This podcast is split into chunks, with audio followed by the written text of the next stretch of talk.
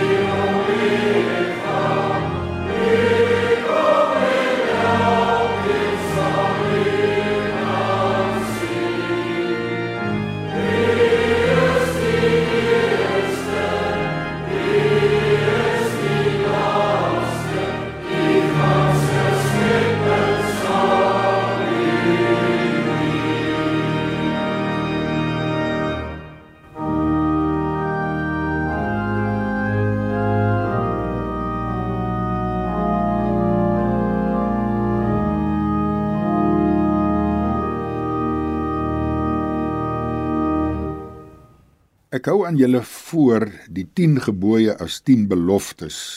God praat met jou en met my as volg. Eerste gebod: Ek beloof dat as ek op die troon van jou hart sit, sal daar geen ander gode in jou lewe wees nie. Tweede gebod: As ek die eerste plek in jou lewe het, sal jy geen gesneede beeld van my maak nie, omdat jy self my beelddraer sal wees. Dit beloof ek jou. Derde gebod: As ek die middelpunt van jou lewe is, beloof ek jou dat die naam van Jesus vir jou so kosbaar sal wees dat jy dit nooit as 'n vloekwoord oor jou lippe sal neem nie. Vierde gebod. As ek nommer 1 in jou lewe is, beloof ek jou dat die Sondag 'n feesdag in jou lewe sal wees en jy dit nie moeilik sal vind om dit aan my toe te wy nie. Vyfde gebod. As ek die ereplek in jou lewe het, beloof ek jou dat dit nie moeilik sal wees om jou ouers en ander gesagsdraers te respekteer nie, omdat jy agter hulle vir God sal sien wat hulle aan jou geskenk het. 6ste gebod. As ek die eerste plek in jou lewe het, beloof ek jou dat jy niemand sal wil seermaak nie, wat nog te sê doodmaak. 7de gebod. As jy aan my die ereplek gee, sal ek jou huwelik in my hande vashou en beloof ek jou dat my trou ook vir jou getrou sal maak en dit vir jou nie moeilik sal wees nie. Agste gebod: As ek op die troon van jou lewe is, beloof ek jou dat jou lewe ingestel sal wees nie om van iemand iets te neem nie, maar om te gee en nogmals te gee. Negende gebod: As ek die middelpunt van jou lewe is, beloof ek jou dat dit vir jou nie meer lekker sal wees om van ander te skinder nie, maar dat jy sal opkom vir die naam van 'n ander net waar jy kom. 10de en laaste gebod. As ek op die troon van jou hart is, beloof ek dat ek jou so 'n dankbare en vergenoegde mens sal maak dat jy niks meer sal begeer nie. Aan almal wat met 'n ware berou en opregte geloof hulle toevlug neem tot hulle enigste verlosser Jesus Christus, verkondig ek in die naam van die Here die vergifnis van sonde.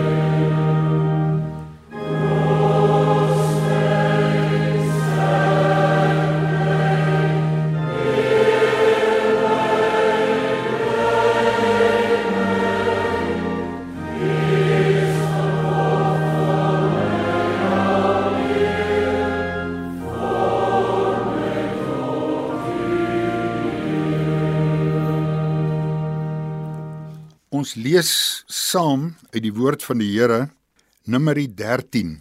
Numeri 13. Dit gaan oor Kanaan wat verken word. Met ons Bybels oop, kom ons bid saam. Hemelse Here, sal U self met elkeen van ons praat deur U woord en U waarheid. Ons bid dit in Jesus naam. Amen.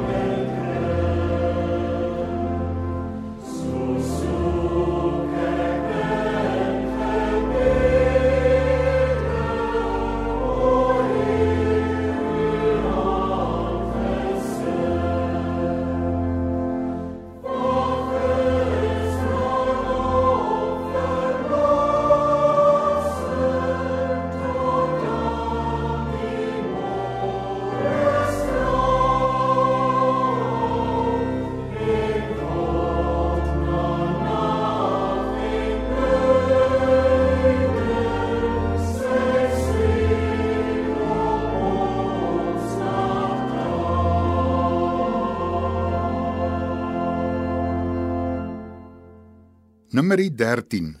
Kanaan word verken. Die Here het vir Moses gesê: "Stuur manne om Kanaan wat ek aan die Israeliete sal gee, te verken. Uit elke voorvaderlike stam moet jy een stuur wat 'n leier onder hulle is." Op die bevel van die Here het Moses hulle toe van die Paran woestyn af uitgestuur. Al die manne was leiers onder die Israeliete en dan van vers tot 16 is nou die uitstuur met die name en dan vers 17. Moses het hulle gestuur om Kanaan te verken en vir hulle gesê: "Trek deur die suidland en op na die bergwêreld toe. Bekyk die land, hoe dit is en of die mense wat daar woon sterk of swak, min of baie is, of die land waarin hulle woon goed of sleg is." en of die mense se stede oop of versterk is of die grond vrugbaar of skraal is, of dit bome het of nie. Doen julle bes om van die land se vrugte saam te bring. En dan nou verder van vers 26 tot 33 gaan dit nou oor die meerderheids en die minderheidsverslag. Hier eindig die skriflesing tot eer van die Here. Die teks is Numeri 13 vers 30. Ons moet beslis optrek en die land in besit neem met die tema die Here kan dit doen. Ter inleiding moet ek sê dat Moses het die opdrag van God by die brandende braambos gekry om die Israeliete na die beloofde land te lei. Wat 'n opdrag. Moses het dadelik 5 redes gehad waarom hy nie hierdie opdrag kon uitvoer nie. Eksodus 3 en 4 gee Moses se verskonings. Wie is ek? Wie is u? As hulle nie na my luister nie, ek is nie 'n goeie spreker nie. Ek weet u kan iemand anders kry om hierdie opdrag uit te voer. God se reaksie was: Ek gee Aaron saam met jou, maar jy gaan steeds die opdrag uitvoer. Eksodus 14 vers 14. Wie sal nie ook twyfel in sy eie vermoëns om so 'n formidable opdrag te ontvang nie? So 'n uitdaging verg elke greintjie motivering, positiewe gesindheid en daadkrag. Moses se gevoel van onbevoegdheid het tot gevolg gehad dat hy vir hom 'n binnekring bymekaar gekry het wat sy visie deel en sy tekortkominge kon aanvul. Aaron, Moses se broer, sy skoonpa Jethro en Joshua sou deel wees van Moses se binnekring. In Numeri 12 vers 7 en 8 sê God oor Moses: Moses is die betroubaarste in my diens. Met hom praat ek direk en persoonlik.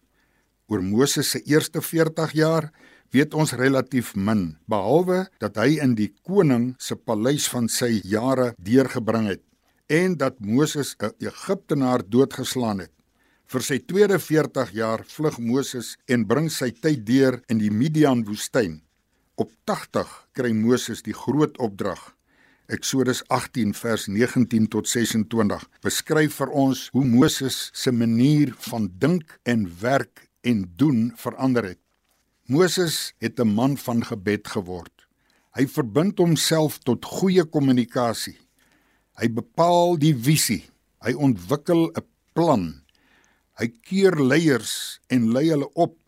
Hy los die manne om die werk te doen sodat hy Moses net kan doen dit wat hulle nie kan doen nie. Dan word 12 verspieders gekies om die land Kanaan te verken en te bespied.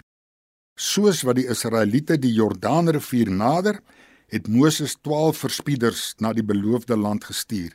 Een verspieder uit elkeen van die 12 stamme het Kanaan binne gegaan om verslag te doen.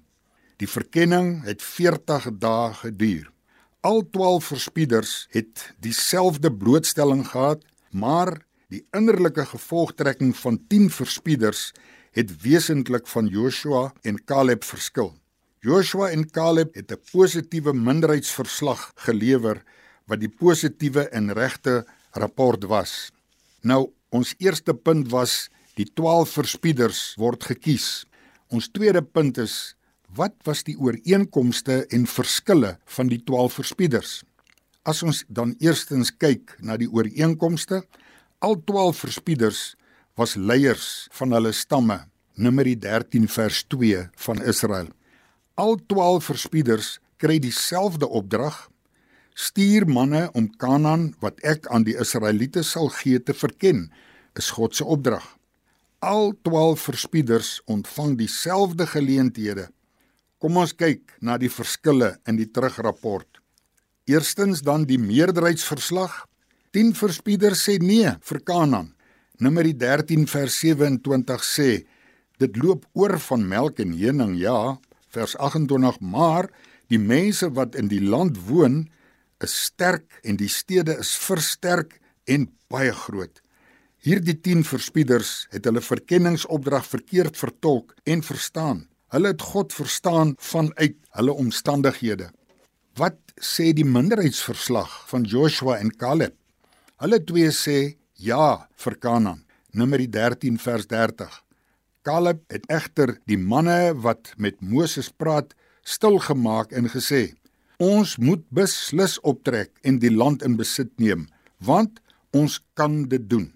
Joshua en Caleb het hulle opdrag en missie verstaan en uitgevoer. Joshua en Caleb het die omstandighede beleef en ervaar in die lig van 'n goddelike opdrag.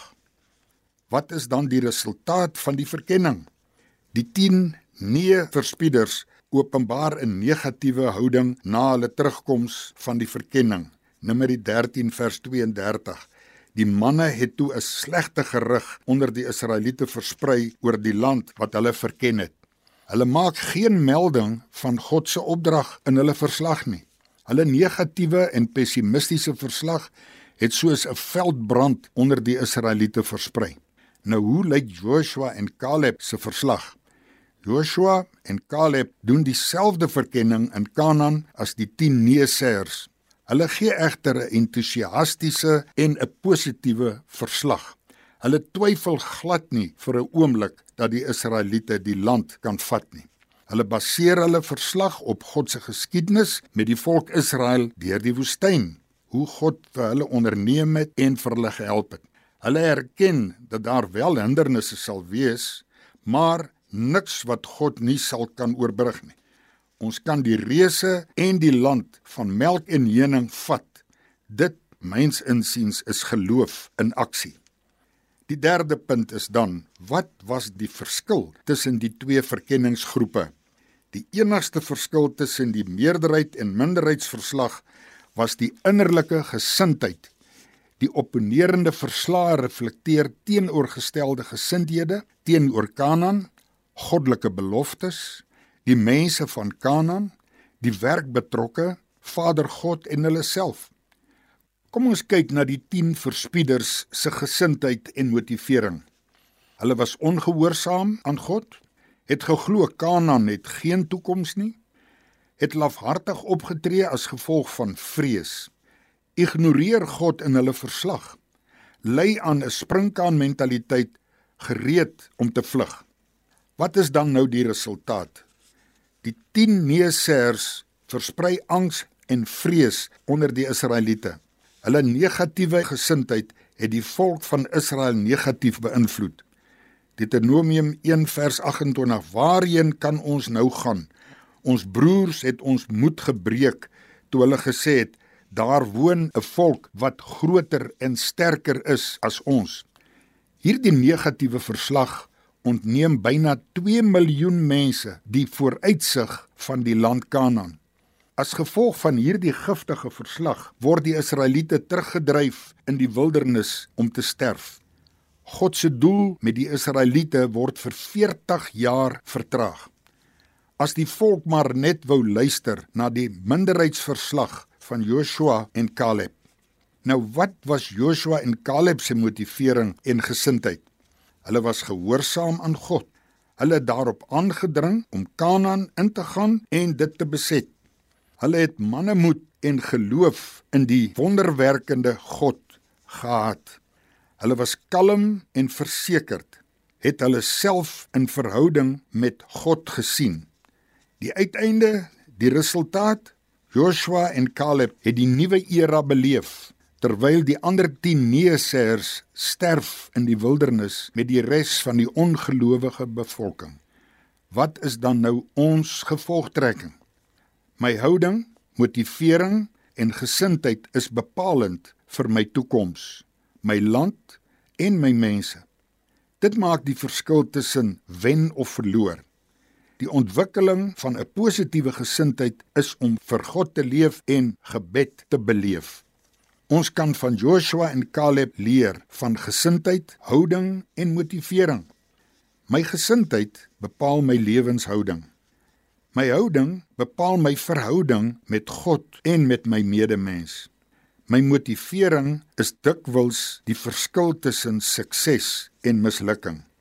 My gesindheid aan die begin van 'n taak sal bepalend wees vir die uitkoms van die taak. Ons gesindheid kan probleme omskep tot seëninge. Daarom moet ons met God wandel. Ons gesindheid is nie outomaties goed en reg omdat ons aan God behoort nie. Die almagtige God moet my hele wese beheer en vervul. Wat is jou en my uitdaging teen die agtergrond van Moses en die 12 verspieders? Wat is jou en my gesindheid? Hoe lyk jou en my gesindheid oor God en sy gebod, oor die Bybel, die evangelie, oor die kerk, Suid-Afrika, Afrika, oor die wêreld? Ek en jy het ook 'n verkenningsopdrag van God. Ons kry ons opdrag in Handelinge 1 vers 8 en Matteus 28 vers 19. Gaan dan heen en maak disippels van alle nasies. Wees my getuies in Jerusalem, Judea, Samaria en die uithoeke van hierdie wêreld. Hoe lyk jou en my verkenningsverslag? Hoeveel siele het ek en jy al gelei na Jesus? Weet jou mense in jou werkkring dat jy 'n gelowige is en dat jy aan Christus behoort? Kom ons bid saam.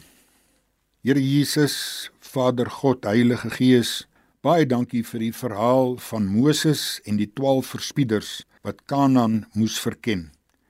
Dankie vir die lesse wat ek en ons kan leer by Joshua en Caleb en selfs by die 10 neeseers.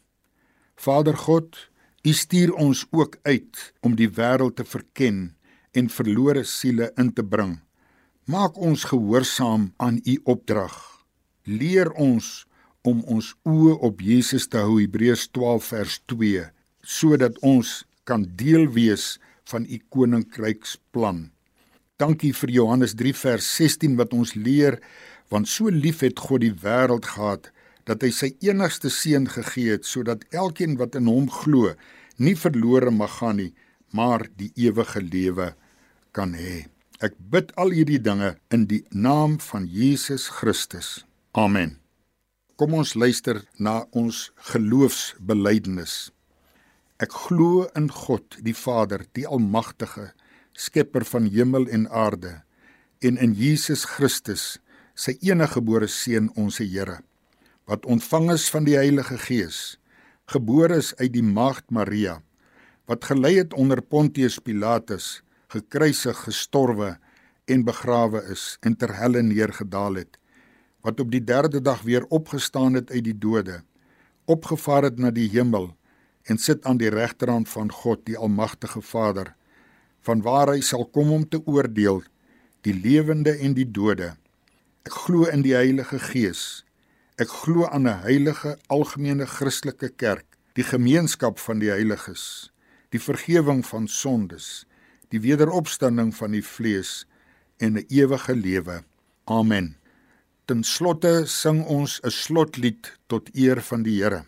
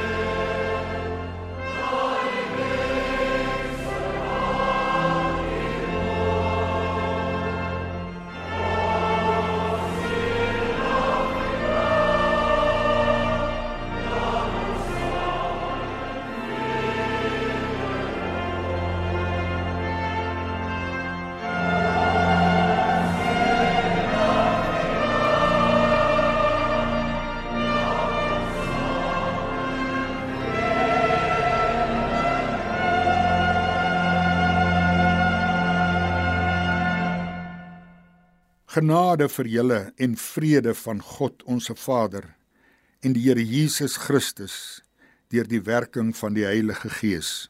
Amen.